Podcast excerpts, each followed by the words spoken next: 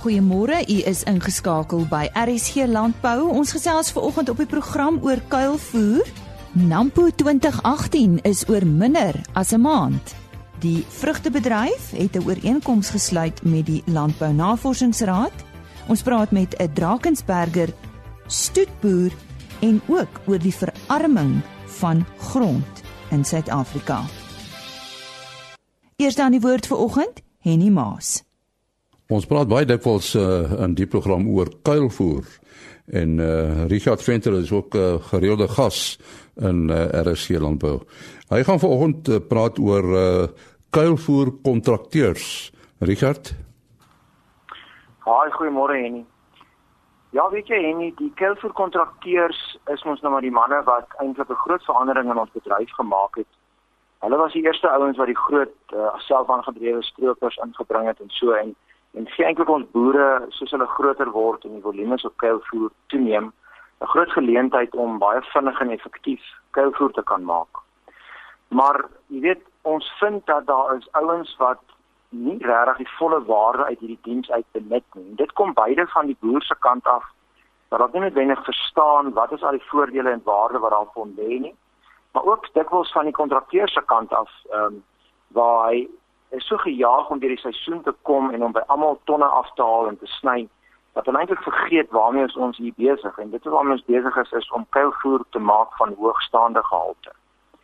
So ons ervaar probleme met wat eintlik in in die beplanning tyd al begin. Jy weet, 'n boer moet besef hy kan nie 'n week voor hy sny 'n kontrakteur wil kry nie. Dan is die manne vol geboek en die seisoen is aan die gang. So ons beplanning vir kontrakteurs begin eintlik al in plantyd om ouens te soek en te sê, "Wel, ek het hierdie tyd geplant. Natuurlik nou afhangend hoe die seisoen loop, dis die tonne, dis die hektare. Kom ons kyk hoe loop dit, maar ek stel belang in jou diens." En dan begin die eerste onderhandelings rondom prys en kwotasies. Dan wanneer die seisoen nou begin vorm aanneem, so in Januarie, Februarie, as ons nou maar net van die huidige mieliekoue seisoen byvoorbeeld praat, dan moet ons weer met die ouens kontak maak en sê, "Reg, hoe lyk dit dinge?" Uh ons is ons mielies het goed gegroei of ons het 'n bietjie droogte stres, ons is al 2 weke agter. Met ander woorde ons moet weer net sê waar presies staan ons in die in die proses. En ideaal moet daar ook sny uh uh datum bepalinge gedoen word van die kontrakteurs kan help en en en en so aan. En dan nou nog nader aan die tyd is die tyd wanneer die kontrakteur op die plaas aankom uiteindelik en hy kom sny nou. Maar ons moet onthou jou werk is nie nou klaar nie. Jy kan nie nou terugsit en sê, "Wel, die kontrakteur is hier. Nou kan hy maar net aangaan. Hy weet ons wat hy doen." Want as daai ou se toerusting dalk gesluit is of as hy substandaard ehm um, uh praktyke toepas, byvoorbeeld uh die kompaksie nie ordentlik genoeg doen nie. Nie omdat hy nie wil nie, maar bloot omdat hulle so vinnig sny en daar dalk nie genoeg kompaksietrekkers is nie. Dan loop daar klomp goed in hierdie proses skeef. En my boodskap is maar net Die boer moet daai proses bestuur van A tot Z. Ons kan nie terug staan en sê ons het nou 'n kontrakteur, daarvoor gaan hy aan en ons los hom, want dit bly jou verantwoordelikheid. Dit bly jou kwaliteit kuilvoer wat jy die hele jaar moet voer. Ehm um, nog 'n simpel voorbeeld as as as die graankrakers in die in die masjiene byvoorbeeld nie werk nie of daar is nie in nie. Ehm uh, maar jy kan nie vir 'n kontrakteur kwaad wees as hy reeds aan die sny is as jy hom die eerste keer vra of sê dit is 'n vereiste vir jou. Jy moet sommer in planttyd toe jy hom die eerste keer gekontak het van gesê kyk as jy vir my wil sny en teen hierdie prys wat ons onderhandel dit sluit in 'n graankraker en nou is met ander 'n sekere kwaliteit verwagting en dan ook 'n onderneming van sy kant af. En dit is baie meer soos 'n kontrak hierdie as wat dit 'n kontrakteurswerk is. Vir my is dit 'n is dit 'n tweerigting ding. En uh en ek dink ons moet meer op hierdie ouens se kwaliteit uh of meer vereiste plaas op hulle kwaliteit. Nou sê baie waar woorde van Richard Venter daar. Richard Venter van XI wat 'n uh, eh, kenner is op uh, die gebied van kuilvoer. Ons sê baie dankie aan hom. Dankie Henny en hy praat so 'n bietjie later met 'n Drakensberger stoetboer. Ons gesels vanoggend met Dappie Smit, hy's voorsitter van Kal Defco en 'n senior bestuurder by Hortcrow. Hy praat oor die onlangse ehm um, hulle noem dit herverbintenis met die LNR en die waarde van hierdie bedryf. Nou uh ja, Dappie, lekker om weer met jou te gesels. Wat beteken die ooreenkoms met LNR vir die vrugtebedryf? Uh Lise, dit is 'n ooreenkoms wat ons gehad het vir die afgelope 10 jaar en dit is nou hernie. en dit was 'n redelike proses om dit hernie te kry. Dit beteken dat plaaslike prosent produsente het die eerste reg op die cultivars wat uit die LNR se teelprogramme ontwikkel is. En ons moes dit ten alle koste uh onderteken, maar ons moes ook daarom die voorwaardes onderhandel want daar is ander handelaars in cultivars wat kom toe staan en in die aard van die saak wil hulle net die beste koop en dit sou beteken dat Suid-Afrikaanse vrugteprodusente dan moet meeding op die uh, internasionale mark met uh, hulle eie kultivars wat deur hulle self ontwikkel is. En daarom moes ons so 'n ooreenkoms kry en ons is baie dankbaar dat ons dit kan doen. Eh, Dappie, maar hoekom is se ooreenkomste in opsigte van teeling van nuwe kultivars dan so spesiaal? Kyk, die bedryf befonds uh die teelprogram gedeeltelik.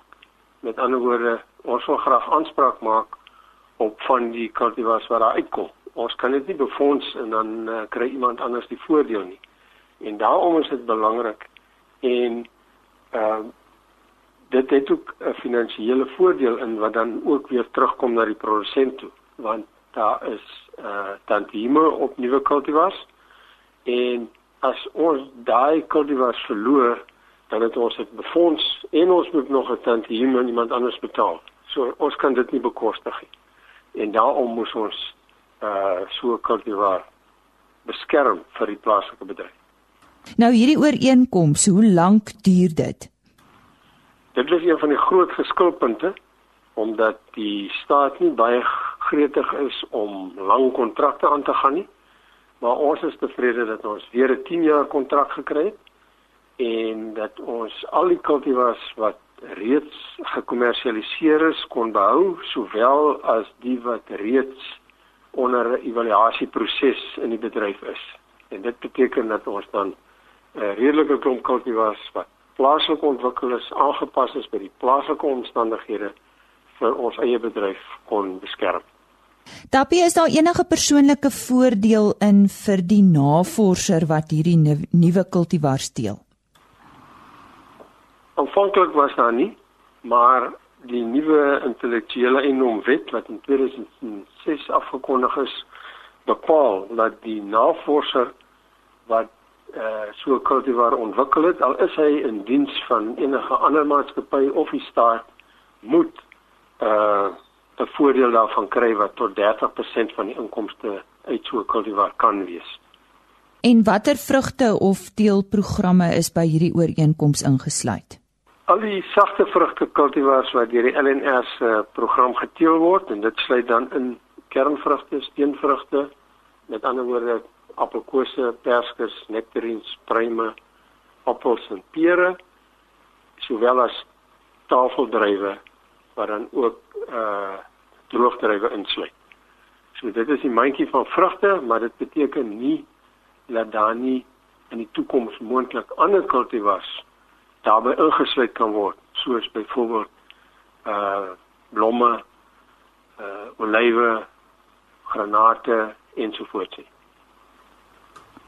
Waar kan ons luisteraars meer inligting kry uh, oor hierdie nuwe programme?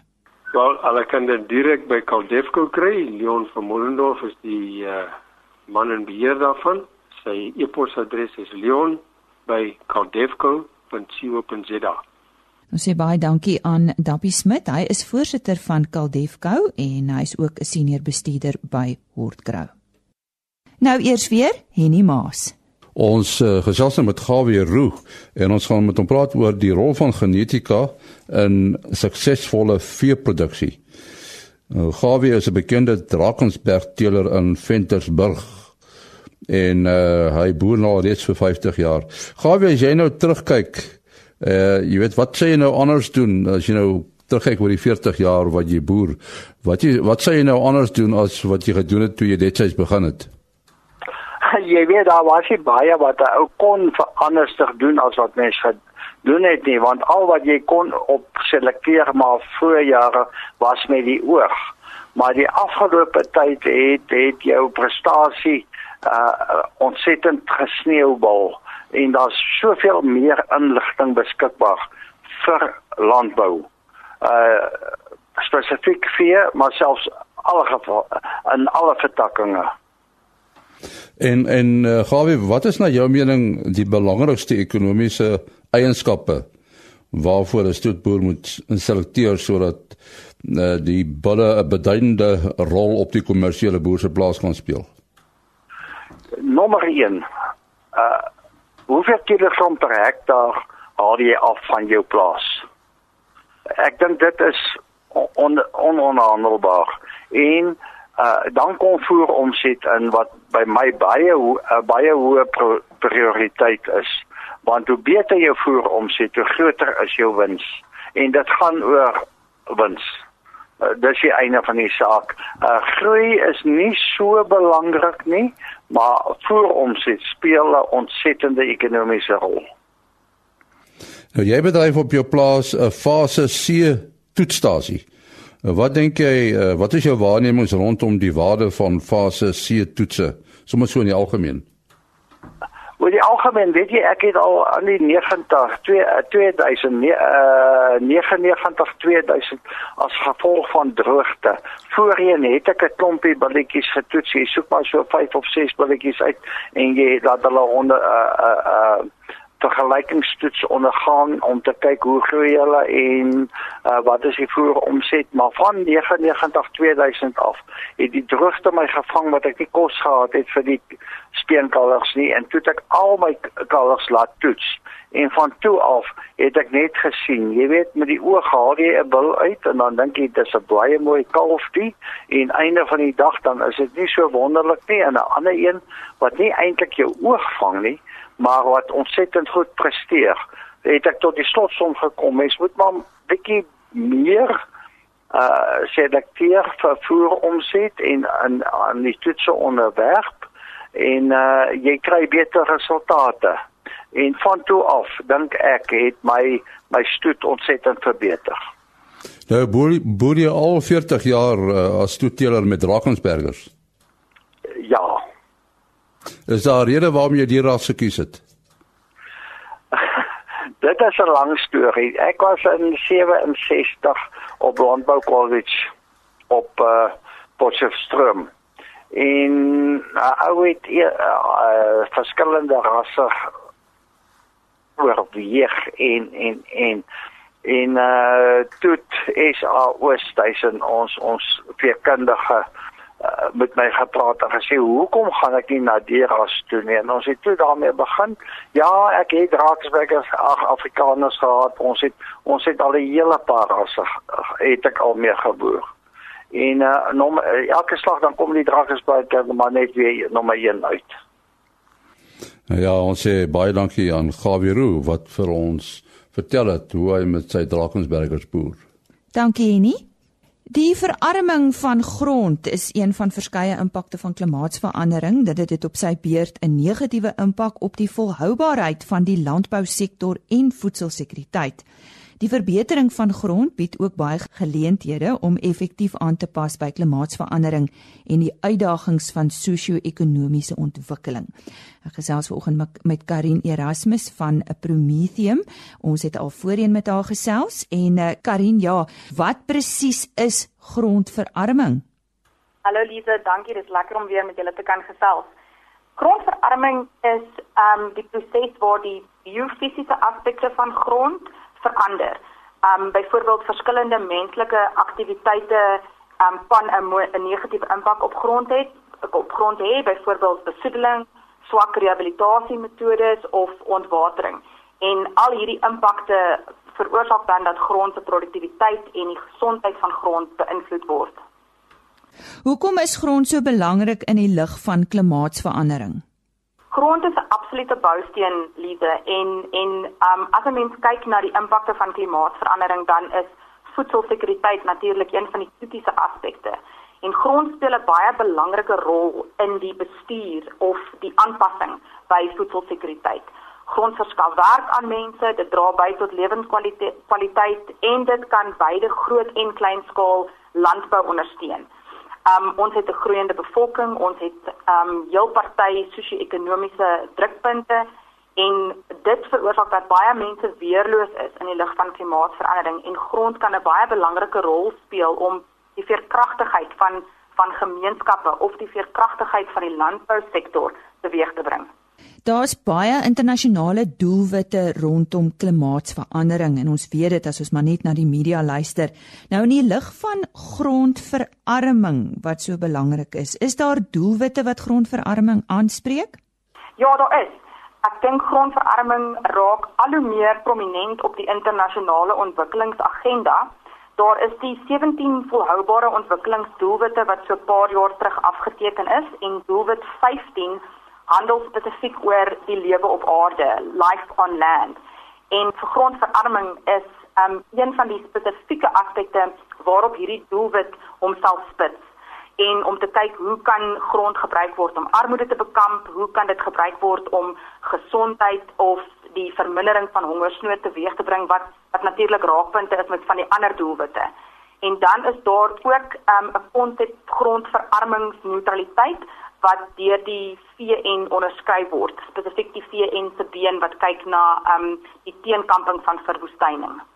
Wat is grondverarmingsneutraliteit? Grondverarming neutraliteit is um dit is een van van van die buzzwords soos ons sê op die oomblik. Um en dit is 'n inisiatief om die verlies van produktiewe grond as gevolg van grondverarming te bekamp. Nou, dit is 'n tweeledige inisiatief. Um, aan die een kant kyk grondverarmingsneutraliteit daarna om grondverandering te verminder of te vermy. Maar baie belangrik, dit kyk ook na hoe om historiese verarming aan te spreek. En um baie breedvoerig die doelwitte van grondverarmingsneutraliteit, die konsep is om ekosisteemdienste te behou om grondproduktiwiteit te verbeter en te onderhou, um, natuurlik om om om voedselsekuriteit te verseker, om die verkragtigheid van grond te verbeter en om sinergie te ontwikkel met ander omgewingsdoelwitte. Het Suid-Afrika enige spesifieke doelwitte in term van 'n uh, grondverarmingsneutraliteit? Ja, daar is 'n uh, Afri 100 um inisiatief geloods so 'n paar jaar terug. Dit spreek ook tot tot Afrika se volhoubaarheidsontwikkelingsagenda 2063. En die doel van hierdie inisiatief is om regoor Afrika 'n 100 miljoen hektaar um grond te te herstel. Suid-Afrika se spesifieke deel van van van hierdie inisiatief is om 3.6 miljoen hektaar te rehabiliteer of te herstel. En ons spesifieke areas van fokus onder hierdie inisiatief is byvoorbeeld om om dongas te herstel, om ontwatering um, te te bekamp en om om grond se se waterhou vermoë te verbeter, om um, landbou te gebruik om grond te rehabiliteer en natuurlik ook om by te dra tot tot voedselsekuriteit. Hoe kan die landbousektor 'n bydrae hiertoe lewer, Karin? Ek dink die landbousektor Um soos ek nou nou genoem het grond is 'n bousteen en en in die in die konteks van van grond as verarming neutraliteit is die landbou 'n 'n kritiese bousteen want die landbousektor kan daartoe bydra dat grond optimaal benut word. Op die ou ende van die dag um handel grond um herstel en grondrehabilitasie baie oor die gebruik van grond en hoe grond optimaal benut kan word en hoe grond herstel kan word deur hierdie gebruik. So die verbouing van gewasse op grond wat onproduktief is, byvoorbeeld um as 'n mens sekere spesies plant vir bio-energieaanlegte as grond nie onmiddellik kan gebruik word vir kommersiële land landbou nie, dra by tot grond um verbetering. Gewasse byvoorbeeld lucern kan baie effektief bydra tot um tot stikstof en om stikstof terug te werk in die grond in en sodoende kwaliteit te verbeter. En dit genoem grond wat wat moeilik is vir vir spesifiek um kosverbouing is nie noodwendig grond wat nie verbruik kan word nie en die landbousektor landboumetodes dan steeds hierdie grond gebruik vir die verbouing van ander gewasse wat byvoorbeeld gebruik kan word vir hernubare energie en dit dra op 'n groot manier by tot die herstel van grond. Nou ons praat gereeld op RSG landbou oor uh, ons uh, geen bewerkingspraktyke of uh, bewaringslandbou. Watter rol kan bewaringsbewerking hier speel? Bewaringsbewerking is een van die van verskeie metodes wat wat baie effektief kan bydra tot tot grondherstel. Soos genoem is is daar 'n hele klomp gewasse ensovoorts of of metodes van van van gewasse plant wat kan bydra tot tot grondherstel. En al hierdie tipe van projekte of al hierdie metodes kan heel moontlik gebruik word um, om koolstofkrediete te genereer wat dan onder die beplande koolstofbelasting verkoop kan word. Hoe kan hierdie projekte koolstofkrediete genereer, Karin? Um daar is verskeie metodologieë wat deur internasionale standaarde soos die CDM of die WCS onder Vera wat gebruik kan word om projekte te registreer. Bewaringslandbou byvoorbeeld daar is spesifieke metodologieë wat um bewaringslandbou in ag neem. En as 'n mens dan 'n projek registreer en 'n mens gebruik van hierdie metodologieë en dit word geverifieer, kan jou projek dan 'n sekere hoeveelheid koolstofkrediete toegedien word. En hierdie krediete kan dan in die plaaslike koolstofkredietmark verkoop word aan maatskappye om hulle koolstofbelasting impak te verminder. Ehm um, die die minister van finansies het afgekondig vroeër hierdie jaar dat dit lyk asof dinge in plek is dat die koolstofbelasting sal intree vroeg volgende jaar en hierdie tipe van spesifiek landbouprojekte um is is van uiterste waarde nie net vir 'n grondherstel um van 'n grondherstel perspektief af nie, maar ook van die perspektief om koolstofkrediete te genereer vir ons vir ons plaaslike mark. Dit was dan Karin Erasmus van Prometheum Carbon. Sy het met ons gesels oor eh, die verarming van grond in eh, klimaatsverandering en natuurlik ook wat die bydrae van landbou is en hoe ons as verbruiker en landbouers kan help uh, om die verarming van grond amper te voorkom. Die grootste landbouskou, die Nampo Oesdag, is vanjaar 52 jaar oud. Dit vind plaas van 15 tot 18 Mei by Nampo Park net buite Botawil. Ons gesels nou by die bestuurder van Nampo, Toy Wessels. Toy, ja, wat is vanjaar se tema? Môre Lise, môre luisteraars. Ja, baie dankie vir die geleentheid. Ons tema van verjaar is effektiwiteit met tegnologie. En ek dink dit sal baie treffend wees vir ons boerderytye daar buite waar uh, die boerdery onder druk is van winsgrense so. Ons kyk beslis na die nuwe tegnologie. Ehm um, wat ek ook vir jou kan noem Lise, ons het so 740 uitstallings vir jaar. 14 daarvan is van die buiteland af en dat ons so 80 dames uitstallings wat deel vorm hiervan. Sjoe, so daar is uh, werklik elke jaar iets vir die dames, maar jy het ook 'n spesiale program vir hulle. Vertel ons daarvan. Ja, ons is baie opgewonde oor ons damesprogram vir verjaar. Ehm um, uh, ons het 'n lekker borg gekry. Uh, elke oggend gaan Rita de Villiers vir ons begin om te sê innerlike sterkte. Dan gaan hy helemaal lensie 'n bietjie kook, maar die Nolm gaan vir ons sê, uh dalk is dit wat jy nie vir ander mense dink nie. Rocco de Villiers dink ek gaan baie gewild wees onder ons dames met sy klavier en Arina Du Plessis gaan vir ons bak. So elke dag gaan hierdie uh kunstenaars vir ons optree met verskillende tye, maar elke dag is dieselfde. So as jy net op een dag kom, dan kan jy al daai goed beleef. Jy kan al daai al al al die kunstenaars op een dag sien. Die tydgelewe is net verskillend elke dag, maar elke dag dieselfde. Goed, uh, nou eh, luisteraars moet maar pen en papier byderhand hou net weer vir die webtuiste. Ons sal dit aan die einde van die program uh, gee. Uh, nou weet ek toe elke jaar ook 'n hoogtepunt is nasie in gesprek. Wat kan ons verwag? So ons het ook daar baie lekker onderwerpe vir jaar nasie gesprek gaan weer lewendig plaasvind van van Nampo Park af. Die Dinsdag gaan ons 'n bietjie ehm uh, moeilike goed praat soos die politieke aangeleenthede, grondhervorming, grondeiening. Die Woensdag gaan ons 'n bietjie praat oor familieboerdery. Die oggend en die middag gaan ons praat oor die inspirerende vrou in die besigheid. Die Donderdag, die 17de, gaan ons 'n bietjie praat oor die ekonomie van skaal, groot of klein boerdery en hoe lyk landbou in 2035? En die Vrydag gaan ons uitsit vir ons jeug. Hoe voel ons jeug oor landbou in Suid-Afrika? So ek dink nogal uh, die 4 dae gaan ons al die knelpunte in landbou 'n bietjie lekker diep bespreek. Nou miskien moet ons net vir ons luisteraars noem, daar's niks wat verander hierdie jaar wat die tye, die kaartjieverkope en ensovoorts betref nie. Miskien net weer eh, waar kry ons kaartjies vir Nampo en wat's die beste manier om kaartjies te bekom, Toy? Lisa baie dankie ook daarvoor meer die uh, die kaartjies is weer by Ticketpro beskikbaar. Ons het die verskil tussen aanlyn en wat u by die hekke kan koop vir R20 gedoen. So ons motiveer die mense aan om aanlyn te koop op Ticketpro se webbladsy. Vir die Dinsdag en die Vrydag is dit R90 aanlyn en R100 vir Woensdag en Donderdag. En dan is die kaartjies wat net gesê R20 duur by die hekke, die mense wat wil kontant koop. So ons moedig die mense aan om eerder aanlyn te koop dan as die toue wat jy wag die of dit so lank nie. Ehm um, die paaie is nie in 'n baie goeie toestand nie soos jy weet in die Vrystaat, maar ehm um, so hy begin net vroeg as jy kom na Nampo toe. Gee vir ons die Ticketpro eh, webtuiste eerstens. Dis www.ticketpro.co.za. En vir die program van elke dag van Nampo, Nampo het 'n spesiale webtuiste ook, maar jy kan deur die Graan SA webtuiste werk sover ek kan onthou. Jy kan deur die Graan SA webtuiste werk of jy gaan op www.nampo uh, www.nampo.co.za. So daar's ook 'n Nampo webblad.